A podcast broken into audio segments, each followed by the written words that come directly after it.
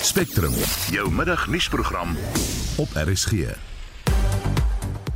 In die program die regering laat vaar swart bemagtigingstender vereistes vir staatsondernemings. Se aankondiging daaroor word reeds om 2 uur vanmiddag verwag. Dit is 'n welkome stap wat beteken dat staatsorgane nou kan kies om ware vir geld oorwegings primêr voorop te stel eerder as om BEE of plaaslike inhoudkriteria te moet implementeer. Amerikaners gaan na die stembus om nuwe verteenwoordigers in twee regeringshuise te kies. Fundamental rights are on the ballot.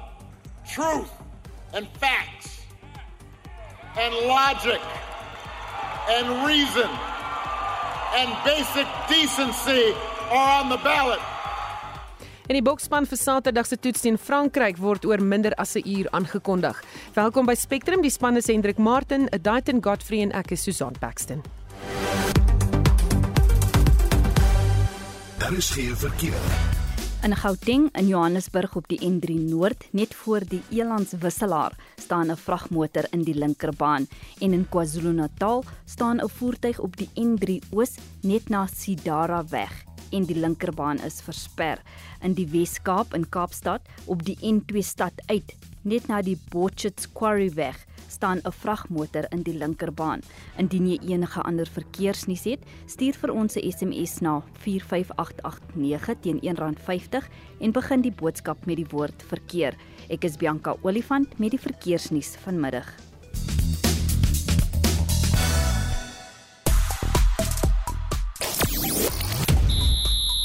Boksman vir Saterdag se toets teen Frankryk word binnekort bekend gemaak. Die Billie Jean King beker finaal slaan in Glasgow in Skotland af sonder die wêreld se voorste vroue speler Iga Swiatek van Pole en Caroline Garcia.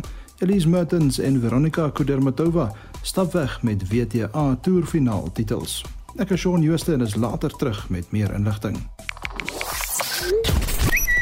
Hitsmerk ISIS is besig om opslaap sosiale media te maak. Die Amerikaanse tesourier het 4 Suid-Afrikaners uitgewys as befondsers en ondersteuners van ISIS. Sowat 'n week gelede het die FSA ook 'n terreurwaarskuwing uitgereik vir 'n moontlike aanval in Sandton. 'n Gebruiker skryf Amerika sien geen verskil tussen terroriste en diegene wat hulle huisves nie. Dis tyd dat die FSA sanksies teen die ANC instel, soortgelyk as die teen ZANU-PF en Taliban se regerings. Ons gesels oor die voorgestelde wysigingswetsontwerp op basiese onderwys en dit maak voorsiening dat bywoning in graad R verpligtend vir alle kinders sal wees.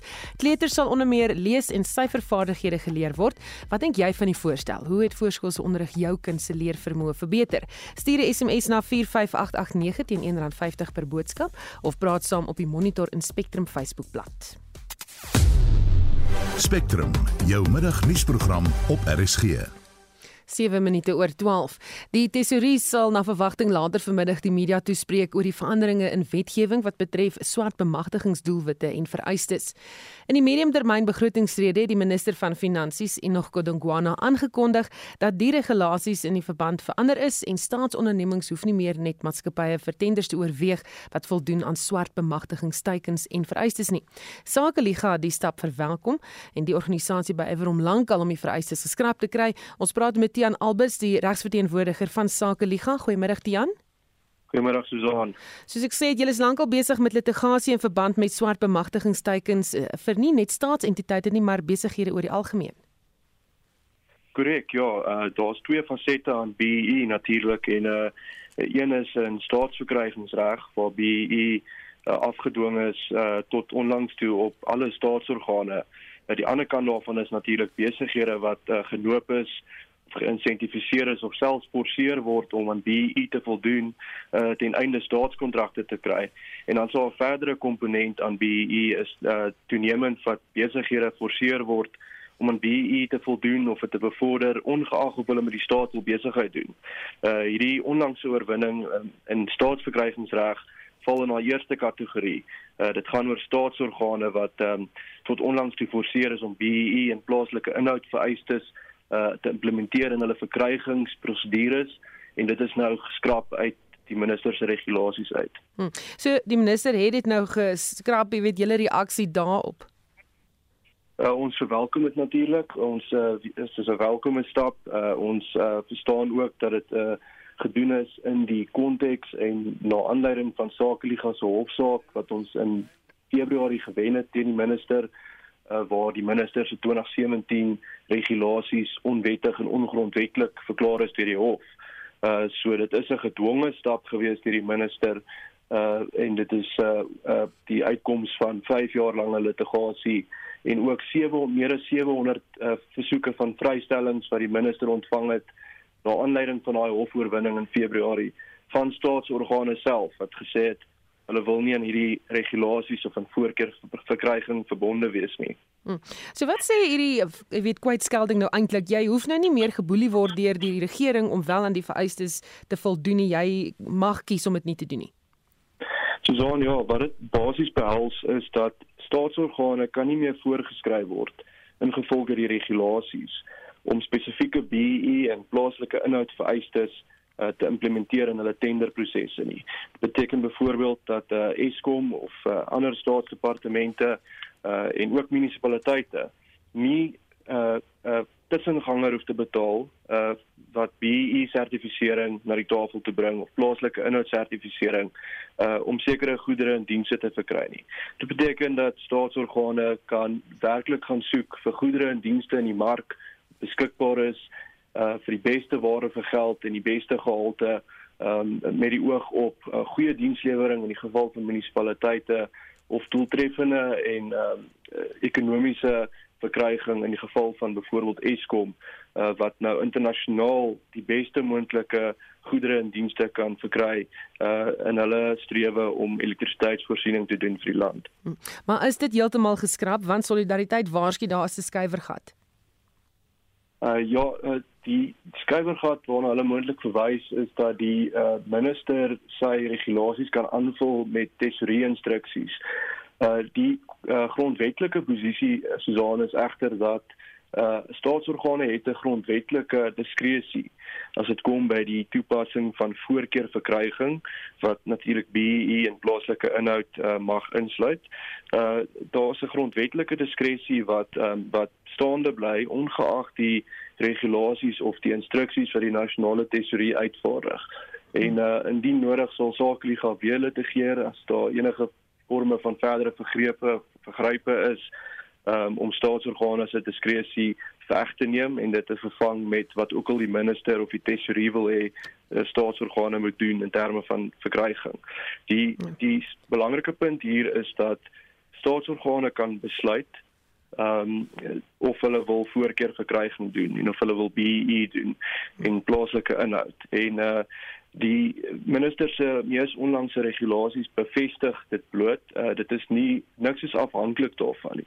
Met ander woorde as die minister besluit oor 'n paar maande om nuwe regulasies te maak om BEE of plaaslike inhoud vereistes en verkryging af te dwing op staatsorgane uh, sal daardie regulasies uh, waarskynlik onwettig wees uh, en vir dieselfde rede tersyde gestel kan word as die 2017 regulasies.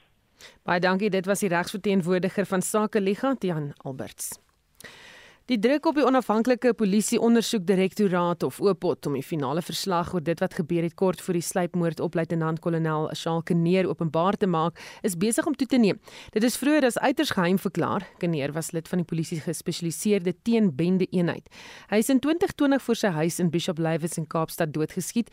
Ons praat met die voormalige polisiekommissaris van die Wes-Kaap, advokaat Lennet Maxi oor. Goeiemôre Lennet. Goeiemiddag. Onder watter omstandighede sal so 'n verslag nie openbaar gemaak word nie? Luister, jy weet, dit is die eerste keer ehm uh, van dat ek dink dat ehm uh, uh oopbod se bestaan en oopbod se bestaan dat daar so 'n besluit geneem was om hierdie verslag nie openbaar te maak nie. Nou, volgens my en my ondervinding is dit dat die enigste rede hoekom dit nie kan gedoen of doen dit toegelaat sal word is wanneer openbare belang in terme van landsveiligheid ernstig bedreig word. Maar jy weet ek is nie so seker dat landsbelang hier ter sprake is nie. Wat uh, jy het geweet dat ons uh, het beweringe gehad met uh, Kneese dood dat senior offisiere mekaar uh, beskuldig het van uh, sekere mense het sekere goed gedoen of nie gedoen nie En uh ja, en toe was daar ondersoeke, ons is nog nie duidelik wat is die uitspel van iets die die die die die gevolge of die uitslag van daardie ondersoeke was nie. Hmm. Ek sien intussen die oopot aan die portefeulje komitee van polisie onthul dat die verkeerde prosesse gevolg is om die verslag as uiters geheim te klassifiseer. Sou dit dan nou openbaar gemaak kan word?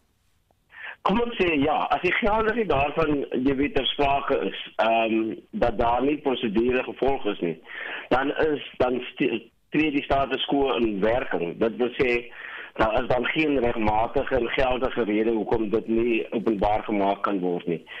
Ehm um, kom ek sê jy weet oopot as gevolg van hierdie handeling wat hulle gedoen het is dat hulle onafhanklikheid word nou bevraagteken. Oopot is in terme van die wet aangestel om onafhanklik sonder enige inmenging, jy weet, ehm um, polisie uh, onreëlmatighede en gedagte ondersoek, korrupsie en so voort. En sou enige persoon daarmee inmeng, dan is daar daardie handeling dan strafbaar in terme van ek dink dit artikel 26 of 25. Maar dat in hierdie geval blyk dit te wees as dit waar is dat hulle ook blykbaar gesê soos ek gelees het dat daar 'n uh, senior offisier trek word. Nou, ek kan nie sien dat dit 'n uh, geldige rede kan wees uh, dat uh, vir die uiters geheim uh, verklaring van hierdie verslag omdat senior offisiere betrek is nie. Hmm. Baie dankie, dit was die voormalige polisiekommissaris van die Wes-Kaap, advokaat Lennet Max. AgriSA se hoof van regs en beleidsake, Janse Rabie, is aangestel as een van die 24 kommissarisse van die presidensiële klimaatskommissie. Janse vertel ons meer oor sy rol vanuit 'n landbouoogpunt. Ons praat nou met hom. Goeiemôre Janse. Goeiemôre Susan. Hoe het dit gebeur dat jy op hierdie kommissie aangestel is?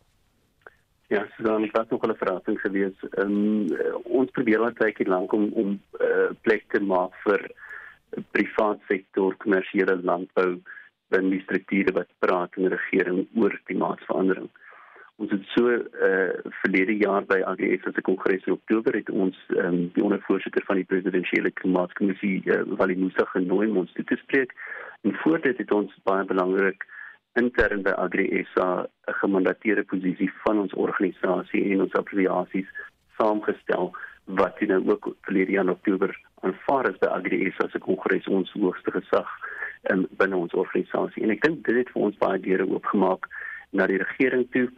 En ons het daai daai versoek gerig en gesê dat hoef nie Agriesa te wees nie. Ons wil graag net iemand hê van die van die plaaslike landbou om om te dien in net 'n balans te bring wat ons gesien het as 'n as 'n as 'n effenskeef getrekte kommissie en ons het die verlede week die die aanstelling gekry van die president af dat mm. um, dat ek dan sou dien op die op die kommissie. Wat is jou rol op hierdie kommissie dan? Advies. Ek dink dis die die groot ding die die presidentsiële klimaatkommissie is 'n adviserende org, uh, liggaam wat die president en regeringsstrukture dan adviseer rondom veral kwessies soos die billike oorgang van na fossiel brandstowwe na laagkoolstof uh, energie ekonomie en dan vir my spesifiek is hierdie 'n uh, geleentheid om die die posisie van landbou daar te stel en seker te maak dat landbou nie misgekyk word in hierdie debatte en hierdie verwikkelinge nie.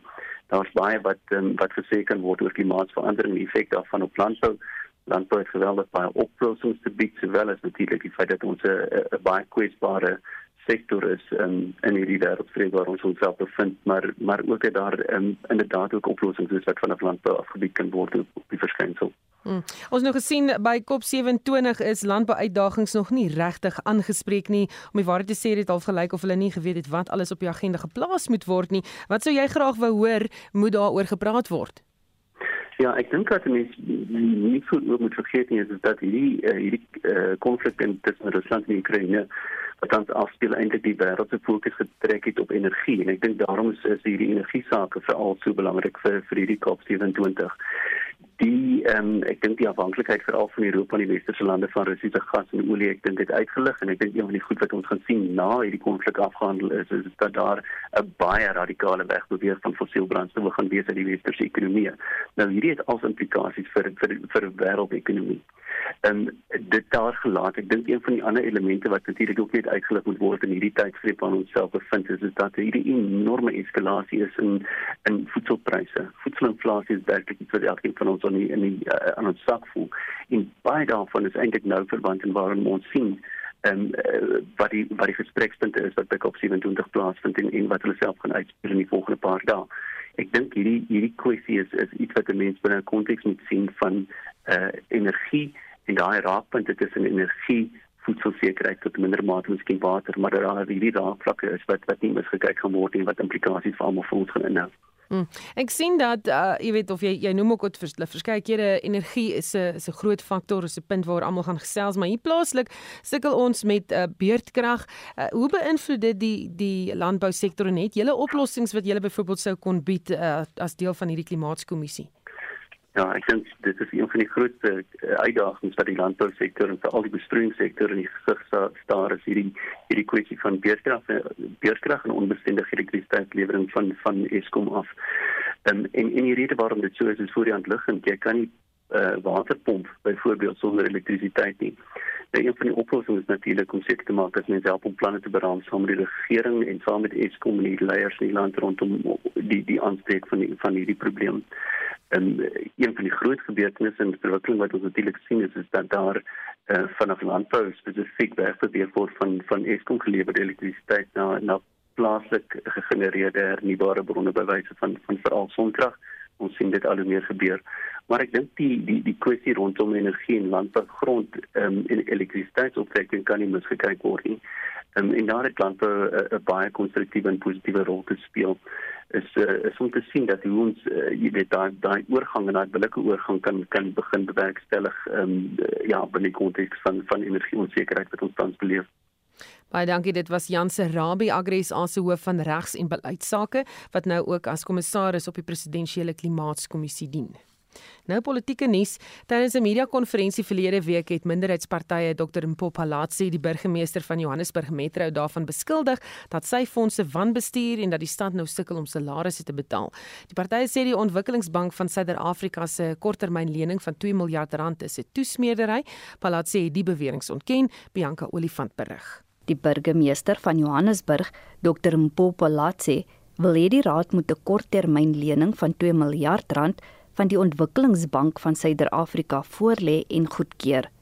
Maar Lubabalo Mangwensu van die ATM wat deel vorm van die minderheidspartye sê hierdie lening is om salarisse en diensverskaffers te betaal. Right now SMMEs are not being paid. And the reason that is being given for this need for this loan is the fact that there are cash flow mismatches. Now, if you're talking of cash flow mismatches, then you know it's your short-term things where you need to be paying your salaries, your SMMs. It's all of those things. Why is she wanting this to be tabled in council as a matter of urgency? Mangwensu het ook die DA daarvan beskuldig dat die party korrup is. We are dismayed at the conduct of the Democratic Alliance in the governing of the city of Johannesburg. The DA under the stewardship of temporal mayor Dr. Mpopalatse is arrogant, corrupt and accusatory. The media has become a theatrical stage of drama and performance for temporal mayor Dr. Mpopalatse to the detriment of the city and council. Where have you ever heard of a sitting mayor attacking a speaker in public?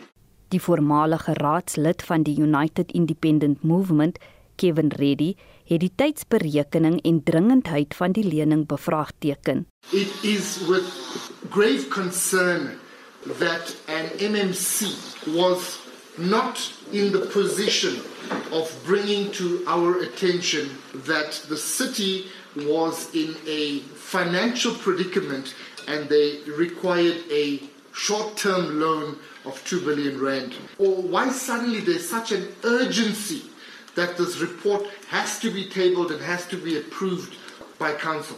Now we need a loan of 2 billion rand. Who negotiated this loan? Kabelo Komanda van El Jamaah sê Palatse kan steeds 'n moontlike mosie van wantroue moet trotseer aangesien 'n nuwe datum net vasgestel moet word.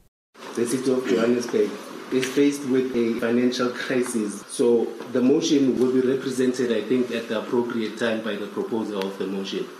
But I can with confidence say that we, as the majority currently in the city of Johannesburg, which is the minority opposition parties, the African National Congress, and the Economic Freedom Fighters, are of the strong view that we do not want Mayor Palat as a mayor, and we are going to remove her as such. Die verslag van Paul Magubane, Bianca Olifant, SAK nuus. Die Ekurhuleni Metro sal na verwagting vandag 'n nuwe burgemeester tydens 'n spesiale sitting verkies. Die vorige burgemeester, die DA se Tanya Campbell, is uit die saal gelig nadat 'n mosie van wantroue teen haar ingestel is. Die EFF en ANC het kort daarna in onderhandelinge gegaan om 'n ooreenkoms te bereik oor 'n nuwe burgemeesterskandidaat. Intussen het dit aan die lig gekom dat die EFF besluit het om sy eie kandidaat voor te stel nadat onderhandelinge met die ANC platgeval het. Ons praat nou met professor Pieter Dievenage, dekaan Geesteswetenskappe by Akademia. Goeiemôre Pieter. Goeiemôre Susan. So hierdie kan 'n moontlike geskiedkundige oomblik gewees het as die ANC en EFF wel besluit het om saam te werk. Ja, ek weet nie hoe geskiedkundig dit is nie. Uh as hulle sou saamgewerk het en en dan kon dit dalk geskiedkundig gewees het, dan dink ek dit sou nou bloot om belangebeskerming gegaan het. Uh, beide partye ehm um, is maar bekend daarvoor dat uh, hulle wil baie graag in beheer kom van die hulpbronne van daar waar hulle regeer. En dan is die groot vraag is hulle goeie regerders? Is die het die ANC 'n rekord van 'n goeie stadsregerder van 'n metro uh regering?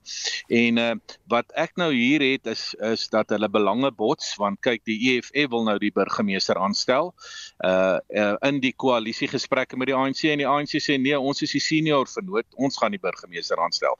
En as hierdie botsing uh nie gaan werk nie, dan gaan op die ou einde dink ek die ou koalisie voortgaan onder die DA. Dit is die realiteite nou in Kuruleni, maar ons sal moet sien hoe uh, wat daar gebeur. Maar vir my is die kern net van die saak Susan dat waar die ANC en die EFF gaan saamwerk, gaan dit ook nie 'n goeie koalisie wees nie, want die EFF het ook die nik dat hulle eenvoudig nie betroubaar is as 'n uh, koalisievernoot nie. Hmm. Hierdie uh, jy weet laat blyk dat hulle nie saamwerk nie en elkeen sy eie kandidaat gaan voorstel. Hier is nie dalk 'n taktik om die ander party op hulle gemak te laat voel en dan ewe skielik bespring hulle hier van die kant af nie.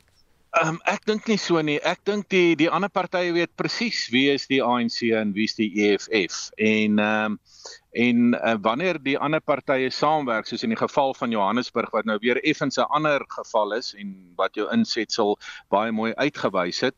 Ehm um, die kleiner partye wat saam met die ANC en die EFF werk, weet baie goed waarmee hulle te doen het. En ek sou sê daai hele koalisie is eintlik maar daar vir opportunisme en vir eie belang. Uh wie dit ook al is of dit die ANC is en of dit die EFF is of die kleiner partye.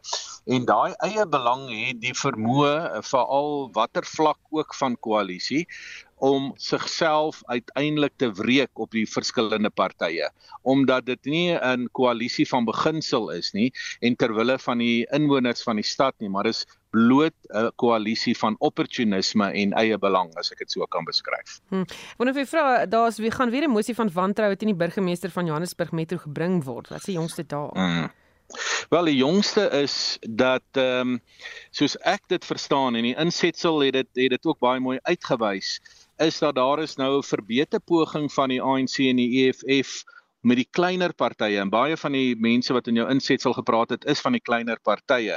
Daar gaan nou 'n poging kom om 'n mosie van wantroue teen uh die ehm um, burgemeester in te bring van die DA koalisie, Dr. Palatse, en ek dink dit gaan nou soos hierdie 2 miljoen wat sy nou wil leen net om ten minste die stad daarom weer op die bene te bring, is nou maar net die voorwendsel of die die die ehm um, die die die tema wat nou gaan lei tot om weer 'n mosie van wantroue by teen haar in te stel. Die kardinale ding daar om jou vraag te beantwoord uh, ten slotte is dat die PA is die sentrale figure daar, die ag lede van die Patriotic Alliance. As hulle gaan inval by die ANC en die EFF, dan gaan die DA koalisie verloor uh, wel uitgeskakel word en sal die mosie van wantroue deurgaan. Maar as die PA dalk nou weer koue voete gekry het, as daar nuwe verwikkelinge is en natuurlik as die ANC en die EFF ook in Johannesburg probleme gaan ontwikkel oor hoe hulle mag verdeel, dan gaan uh, die mag weer terugskuif hmm. na die DA koalisie toe.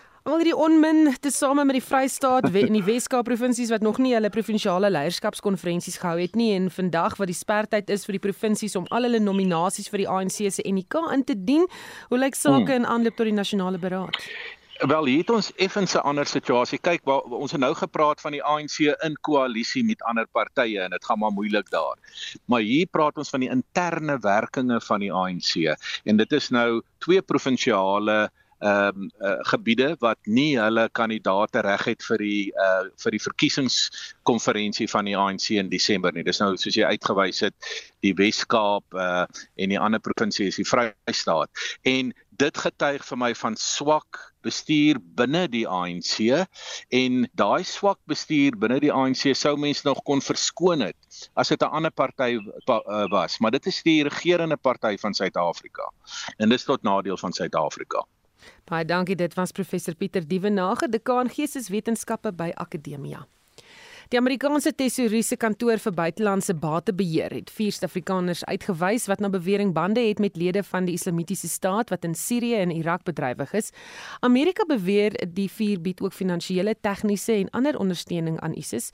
Die vier is Nofial Akbar, Yunus Mohammed Akbar, Mohammed Akbar en Umar Akbar.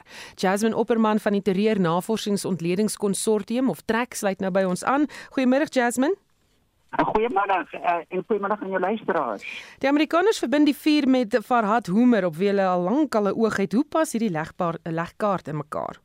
Om hierdie legkaart te verstaan, moet ons teruggaan na die Bedlam uh, moskee aanval en daarna moet ons teruggaan na die Mayfair uh, huis wat uh, waar hulle wapens en ammunisie gekry het en waar hierdie individue dan uh, geassosieer is met daai spesifieke um, operasies wat geloods is as ook met die spesifieke insident wat ons by Bedlam uh, gesien het. Die probleem wat ons mee sit is dat die hofsaake in Suid-Afrika teen bepaalde individue individue van die rol afgehaal is omdat daar dood eenvoudig nie bewyse op die tafel gesit kon word laat hulle wel internasionale terreurgroepe ondersteun nie.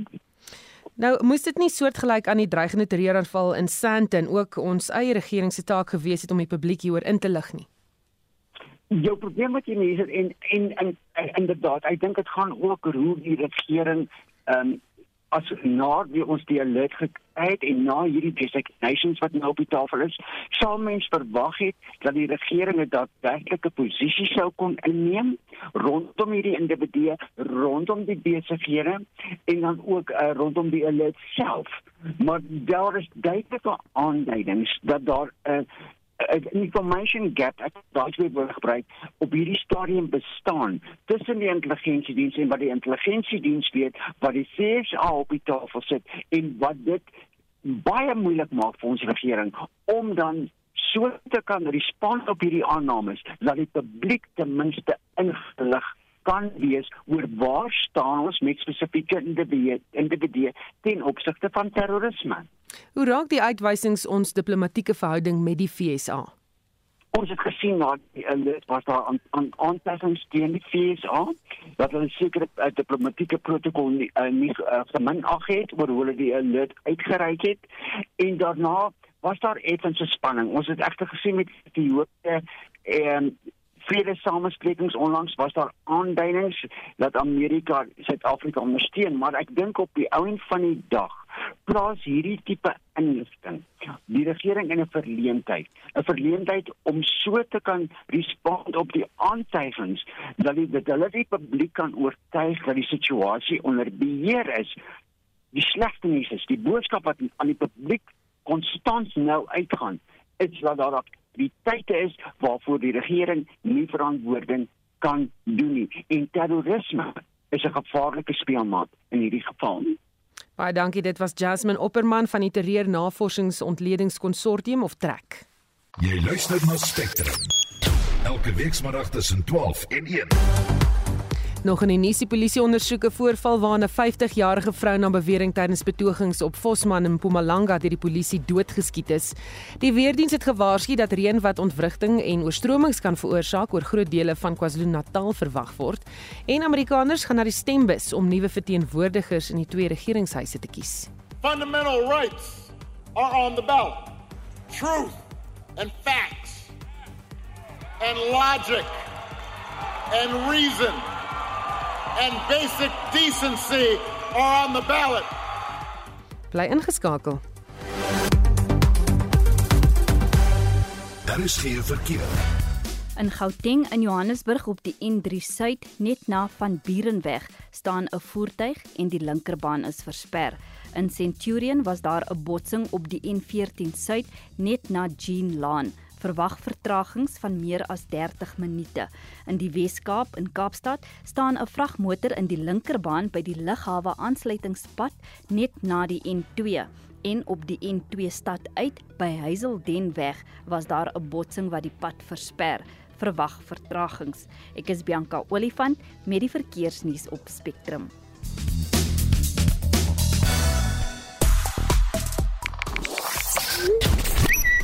Hitsmerk Centurion het op die lys van gewilde onderwerpe op sosiale media begin draai. Inwoners sê sommige laagliggende brûe is reeds in Centurion in Gauteng oorstroom. Die Suid-Afrikaanse weerdiens het ons vroeëre waarskuwing uitgereik vir ewige reën en gepaardgaande oorstromings oor groot dele van die land. Onder die hits is daar verskeie video's van paaie wat deurloop onder die reën. Dis so seker daardie brûe daar in Irene dink ek en dan Centurion daar half daar naby die middedorp daar is gelaagwater brûe. Hulle maak dit gewoonlik toe, daar's dan hekke. Maar as jy in daai gebied is, moenie Centurion nie. Ek weet mos nou as dit reën in Suswarien gaan jy nie daar deurkom nie. Ons gesels oor uh, onderrig in graad R en iemand wat vir my sê sy's Karla, sy sê ek's 'n graad 0 onderwyseres en dit is goeie nuus vir haar syfer en leesvaardighede word in elk geval speel speel aangeleer sonder dat die kind dit besef. So ouers moenie nou op hol gaan oor dit wat reeds gedoen word nie. Dan sê Marita of sy vra eerder gaan die uh, voornemende graad R kinders dalk beter as die graad 6 leerders lees. En Isak wat vra daar's nie eers leerkragte nie, hoe wil hulle dit nou realiseer? Dan sê hulle iemand hierso los lees en wiskunde vir graad 1. Leer in graad R tydsbestuur, fyn en met groot motoriese vaardighede, klim, hardloop, fietsry, plak, knip, teken en so voort. Hulle moet speel en ook sit by 'n tafel en dinge doen sonder enige tegnologie. Dan sal hulle beter voorberei wees vir die hordes vereistes van lees en wiskunde, metodiek en motoriese vaardighede.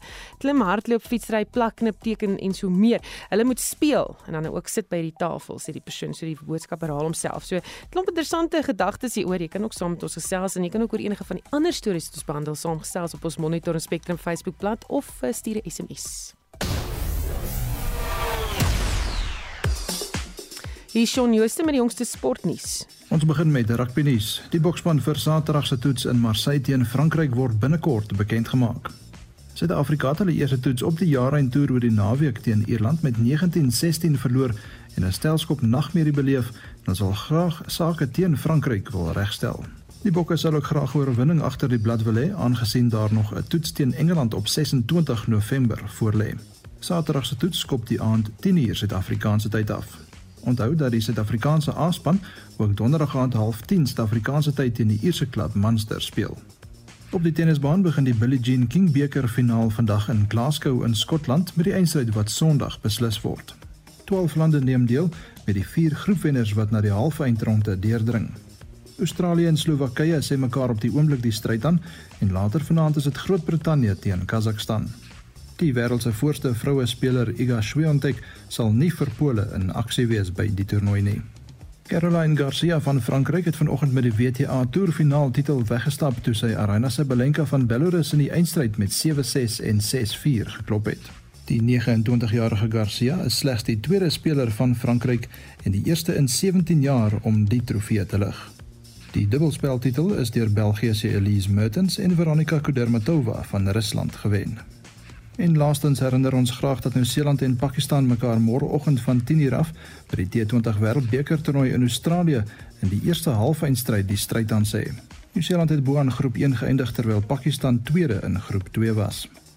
Indië en Engeland pak mekaar donderdagoggend in die ander halfeindstryd. En dit was Shaun Jooste.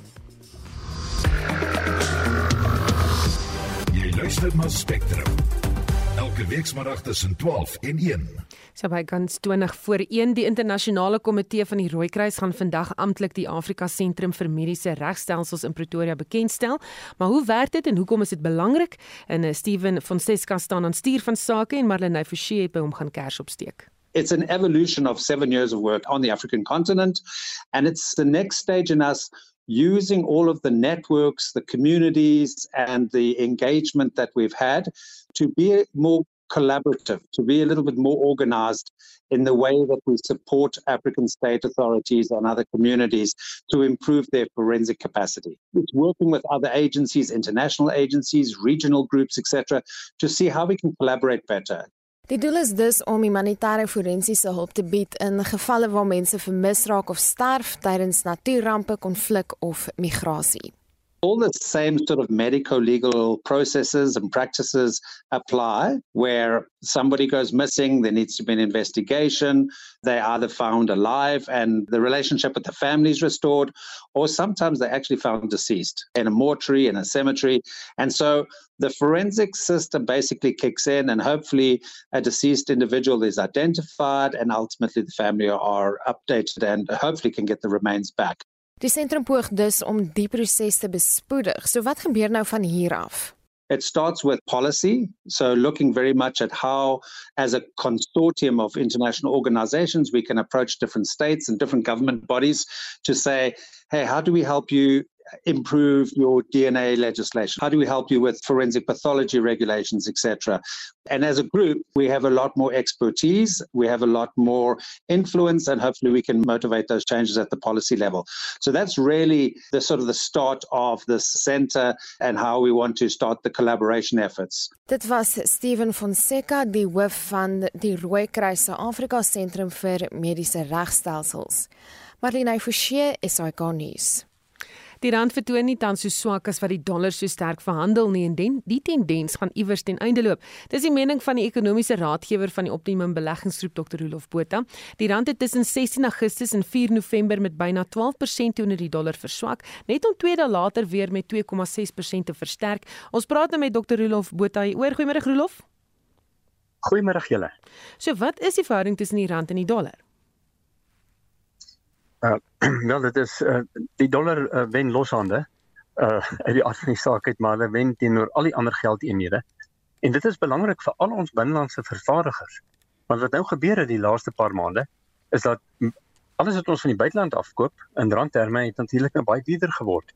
En nou is daar van die groot handelaars en selfs van die klein handelaars ook wat natuurlik nou die plaaslike produkte koop wat in baie gevalle veral as dit die oorseese goed van India uh, van China afkom uh, 'n beter gehalte is. En dis baie goed vir ons plaaslike vervaardiging. En as gevolg daarvan verwag ons um, met ons navorsing met die Optimum Beleggingsgroep dat die indiensname ehm um, syfer gaan nie vreeslik baie val nie want daar is daar, daar behoort eintlik 'n toename in indiensname te wees in vervaardiging. 'n Swak wisselkoers ehm um, wisselkoers kan natuurlik op sy eie swak wees. Nie hy swak omdat die rand so om die dollar so sterk is, maar swak wisselkoers as hy verswak teenoor die die buitelandse valuta dan is dit altyd goed vir jou plaaslike ekonomie en vir ons uitvoerders ook. En dis een van die redes waarom meneer Gonogwana uh waar, waar, waar, waarom ons kan uitsien in Februarie na 'n uh, uitstekende begroting want hy gaan weer 'n groot meevaller kry in terme van uh, begrote inkomste of werklike inkomste wat die begrote inkomste gaan oorskry. En ons ons moet die rand eintlik daarvoor bedank. So vir ons uitvoerders sal hoop bly bly nog swak, maar die die skrif is aan die muur. Uh, Amerika se ekonomie kry by oomblik swaar juis omdat by hulle die teenoorgestelde gebeur. Hulle koop nou buitelands uh en en hulle hulle koop nie meer die Amerikaanse produkte nie. En wanneer voorspel jy gaan dit uh, stop? En dit mens kyk na wat gebeur het met die dollar na die jongste 75 basispunte verhoging in die Amerikaanse uh, rentekoers wat ehm um, aan die een kant bietjie verbasend was want dit lyk asof hulle inflasie syfer tog 'n boonste draaipunt bereik het en as, asof hy op pad onder toe is en hy behoort baie vinnig te val uh, dan is dit baie duidelik die die aandelemarkte het verbeter. Daar was beslis 'n uh, baie meer 'n uh, uh, groter vraag na staatseffekte en beleggings en staatseffekte in aandele in lande soos Suid-Afrika en ander ontleikende ekonomieë. En dit na 'n uh, verhoging van 25 basispunte wil ek graag voorstel dat redelik vroeg volgende jaar uh gaan die dollar begin uh, om in 3 rad te beweeg. Wat natuurlik weer goed sal wees vir uh, ons stryd teen inflasie. Baie dankie. Dit was die ekonomiese raadgewer van die Optimum Beleggingsgroep, Dr. Rolof Botha. Die voorgestelde wysigingswetsontwerp op basiese onderwys stel onder meer voor dat graad R vir alle kinders verpligtend moet word. Sommige belanghebbendes is egter bekommerd hieroor. Maar sal dit prakties uitvoerbaar wees en indien wel, hoe sal dit aangepak moet word? Ons praat nou hieroor met die bestuurende direkteur van die SA Childcare Vereniging, Arno van der Merwe. Goeiemôre Arno. Goeiemôre Susan. Uh Graad R word reeds in talle kleuterskole geïnkorporeer. Sal dit prakties wees om dit verpligtend te maak? Ja, ons as 'n vereniging dink dit is 'n dis 'n goeie dit sal goed wees as as graad R verpligtend is. Dink daar sekere mylpale wat 'n kind moet behaal en as die departement dan die mylpale kan meet, dan um, dan sal dit op die einde van die dag goed wees vir die kinders self wanneer hulle na graad 1 toe moet gaan om net daar nog beter te kan doen. En natuurlik vorentoe ons almal weer die basis die basis goed gelees in 'n kind se lewe dan dan sit ons sommer klaar voor. Wat sal die grootste struikelblokke wees om uh, dit te implementeer? Ja, kyk aan die aard van die saak, infrastruktuur is is is 'n groot probleem. Ehm um, so ek ek kan nie regtig sien hoe as as graad R verpligtend gaan word, hoe gaan die staatskole hulle kan akkommodeer nie. Enigste oplossing wat ek regtig daar sien is is dat die die staat hande vat met die privaat uh, persone of privaat kleuterskole en soos dit al reeds is is 'n is, is 'n groot hoeveelheid van kleuterskole doen al reeds graad R en as hulle kan hande vat en hulle kan 'n voederskool word van die laerskole dan dink ek het ons 'n wen-wen situasie waar ehm um, waar ons hande vat, ons mekaar sterk maak en en die kinders dan dan die graad R by die kleuterskole doen en hulle weer gaan na die skole toe. Dit sou sin maak om om te sê dit moet by 'n publieke skool wees. Weet ek nie waar gaan al die kinders akkommodeer nie. Ek weet ook nie waar gaan al die onderwysers vandaan kom. Net iewes skielik nie. So dit kan dit kan nogal baie moeilik wees om dan kwaliteitsbeheer uit te oefen. Ons luisteraars baie wat vra het Suid-Afrika genoeg graad R onderwysers? Nee, ek ek sou dink nie, uh, behalwe in die private sektor al reeds is ons besig op 'n enorme spoed om um, om graad R onderwysers op te lei onsself instansie wat die opleiding doen ons het 'n verskriklike en ek sê surge gesien in, in aansoeke om om daai kwalifikasies wel te bekom. So ek dink ons is op 'n goeie plek. Ek dink as ons die volgende 2, 3 jaar terugkyk kan ons sien maar goed, ons ons het al kapasiteit om die graad R wel te akkommodeer die onderwysers met hulle kwalifikasies en dan natuurlik gaan dit maar net vir ons toekoms die beste wees. Ehm um, maar soos ek gesê het, daai enigste manier hoe ons dit sien as 'n vereniging is as die staat gaan hande vat met die private sektor en die kleuterskole toelaat om te doen wat hulle goed doen, wat wel reeds doen in elk geval en dan en dan natuurlik sal daar dan uitkomste wees. Ons almal weet van die CAPS kurrikulum uh, waar die kinders dan uitkomste word dan nou gemeet en dan is hulle net beter voorberei. Die die die probleem is nie noodwendig in ons in ons in ons noem dit die suburbs nie. As ons kyk na jou jou township kindertjies, daar is miskien 'n probleem in die sin van hoe monitor jy daai kleuterskole die kwaliteit graad R aanbieding wat hulle dan gaan gee. Maar dit natuurlik is enigiets is oorkombaar as jy as jy 'n plan het, uh, kan die plan gewerk word en dan kan dit natuurlik oorkom word en dan dink ek gaan dit nog steeds vir ons goed wees as 'n land. Baie dankie, dit was die bestuurende direkteur van SA Childcare Vereniging Arno van der Merwe. Finale peilings voor vandag se midtermynverkiesing in die FSA toon dat demokrate en republikeine byna gelykop verdeeld is oor watter party die kongres moet beheer. Die ekonomie blyk die belangrikste kwessie in die verkiesing te wees. Al 435 setels in die Huis van Verteenwoordigers en 35 setels in die Senaat hang in die weegskaal. Esther de Klerk doen verslag. Rekordhoë inflasie in die FSA blyk die grootste hekkie te wees wat die demokrate kan potjie wat op die oomblik in beheer is van al twee huise. Ander kwessies wat ter sprake is, is abortusregte, 'n stygings in misdaad, die beleid van wapens en immigrasie. Chris Turtle is 'n senior genoot by die Raad vir Buitelandse Betrekkinge. The most critical issues uh, depend on who you talk to. You know, for a lot of Republicans and independents and Democrats too, it's inflation in the economy. Republicans have a tendency to be more interested in, say, the immigration issue and security issues. Democrats, you know, with the Dobbs decision having come down, abortion is one of the one of the big ones that's on the minds of Democratic voters. 'n Finale nasionale peiling van MBC News oor die naweek het aangetoon 48% van die kiesers verkies 'n demokratiese regering teenoor 47% vir die Republikeine. Maar 'n peiling deur ABC News en die Washington Post wys dat 50% kiesers ten gunste is van die Republikeine in beheer teenoor 48% vir die Demokrate. Dr Nadia Brown is van die Georgetown Universiteit in Washington. Americans are extremely more polarized, and polling continuously shows that. Our population gets news from vastly different sources. We don't agree on what the facts are. There is a demonization of political elites and people that hold different policy preferences than you. the use of violence as an acceptable form of political engagement is very, very scary. Die topleiers van albei partye het guns by kiesers probeer werf. In Iowa het oud-president Donald Trump Republikeine toegespreek terwyl president Joe Biden stemme vir die Demokrate in Pennsylvania probeer werf het. This is the year we're going to take back the House, we're going to take back the Senate, we're going to take back America, and in 2024, most importantly, we are going to take back our magnificent White House. Today we face an inflection point. One of those moments that comes along every several generations. Democracy is literally on the ballot. This is a defining moment for the nation. Oud-president Barack Obama was aan Biden se sy. Fundamental rights are on the ballot. Truth and facts and logic and reason and basic decency are on the ballot. Byna 40 miljoen kiesers het reeds in die vroeë verkiesing gestem, maar Amerikaners sal vandag hulle kruisies persoonlik gaan trek. Die verslag is saamgestel deur Sherwin Bryce Peace en ek is Estie de Klerk vir SAK nuus.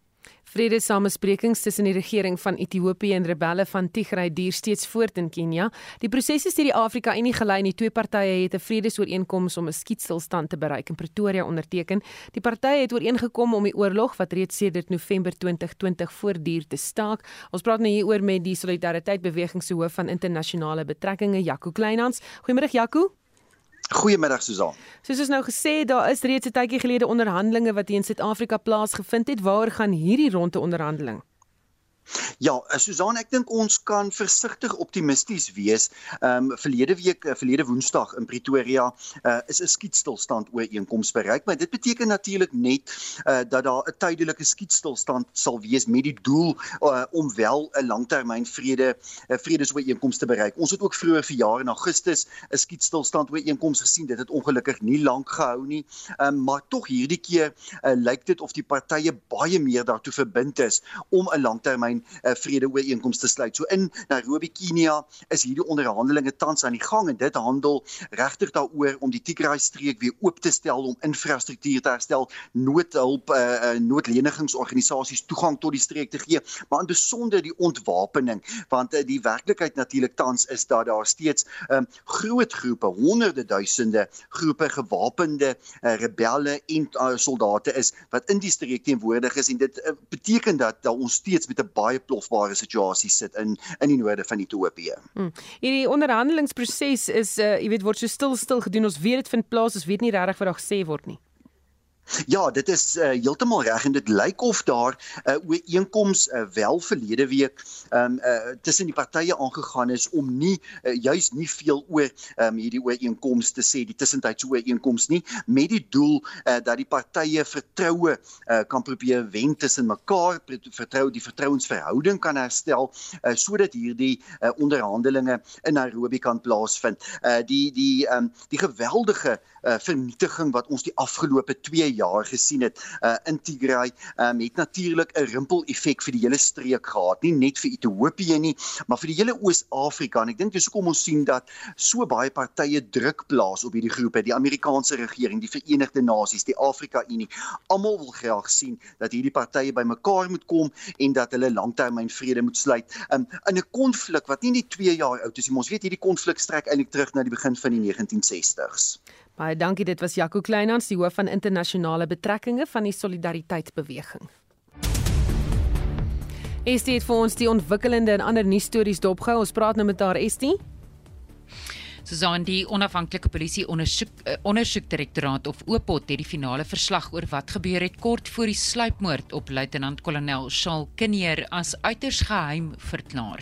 Kinneer was lid van die polisie se gespesialiseerde teenbende eenheid en hy is in 2020 voor sy huis in Bishop Lywes in Kaapstad doodgeskiet. Die voormalige polisiekommissaris in die Wes-Kaap, advokaat Lenet Max, verduidelik onder watter omstandighede so 'n verslag nie openbaar gemaak kan word nie. Die verslag van Opot, soos wat ek verneem wat nou nie beskikbaar gestel word nie, dat wat geheim verklaar is, Dit kan volgens my opinie slegs gedoen word wanneer die openbare belang in terme van die land se veiligheid ernstig bedreig word, maar geen ander omstandighede sal so 'n stap regverdig nie. Die Amerikaanse Tesourier se kantoor vir buitelandse batebeheer het 4 Suid-Afrikaners uitgewys wat na bewering bande het met lede van die Islamitiese staat wat in Sirië en Irak bedrywig is. Amerika beweer die 4 bied ook finansiële, tegniese en ander ondersteuning aan ISIS. En ons bly by die FSA waar dit vandag die midtermynverkiesing is wat sal bepaal of die demokrate sy beheer oor beide huise van die kongres sal kan behou. Al 435 setels van die huis van verteenwoordigers en 5 setels in die senaat hang in die weegskaal. Die BBC se verslaggewer, Nomia Iqbal, weeg in oor hoe 'n withuis wat deur die demokrate beheer word, moontlik sal kan saamwerk met 'n huis van verteenwoordigers wat deur die republikeine beheer word, sou die republikeine genoeg stemme kry. I think that's certainly the hope by President Biden that they can work together. You know, the moment that President Biden became president two years ago, he made a big point of bipartisanship. And when the Ukraine invasion happened, there was that rare glimpse of bipartisanship because both parties generally agreed that sending aid to Ukraine was a good thing. However, there are many Republican candidates who are running in a variety of races for the midterm elections who have said that if they win, they will make sure that not one penny goes to Ukraine. En in ander internasionale nuus, duur vredesamesprekings tussen die regering van Ethiopië en rebelle van Tigray in Kenia voort. Die twee partye het onder leiding van die Afrika Unie verlede week 'n vredesooreenkoms in Pretoria onderteken om 'n skietstilstand te bereik en die 2 jaar lange oorlog te beëindig. Hier is Jaco Kleinhans van die Solidariteit Beweging. Die skietstilstand ooreenkoms wat verlede week tussen die regering van Ethiopië en die Tigray rebelle in Suid-Afrika onderteken is, bring ten minste tydelike vrede na die streek. Die hoop tans is dat 'n langertermyn vredesooreenkoms in Kenia onderhandel kan word. Die Afrika Unie het sy hoop uitgespreek dat dit wel moontlik is, maar hierdie is 'n baie moeilike konflik omdat daar verskeie partye hierby betrokke is en daar steeds onsekerheid is oor of langtermyn vrede wel in die streek bereik kan word. Intussen het die ANC Vroueliga se nasionale taakspan die ANC president Cyril Ramaphosa vir 'n tweede termyn onderskryf en nie hulle steun soos in 2017 aan Nkosazana Dlamini Zuma toegesê nie. En onthou ook om in te skakel vir Brandpunt om kwart voor 6 vanmiddag. En dit was Estie wat die nuus en ontwikkelende stories vir ons dopgehou het. Nog 'n SMS wat jy gestuur het, iemand wat sê tuisonderrig is die beste. Dan nog iemand wat vra maar die regering kan nie eens groter kinders in die skole hou nie. Hoe gaan hulle graad R's verplig om in skole te bly, sê iemand.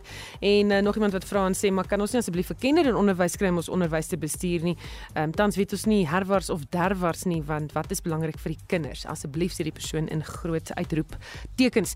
En dit was Spectrum met uitvoerende regisseur Nicoline de Wee, vandag se redakteur Hendrik Martin. Ons produksieregisseur is Daiter en Godfrey. My naam is Susan Paxton. Bly ingeskakel vir 360.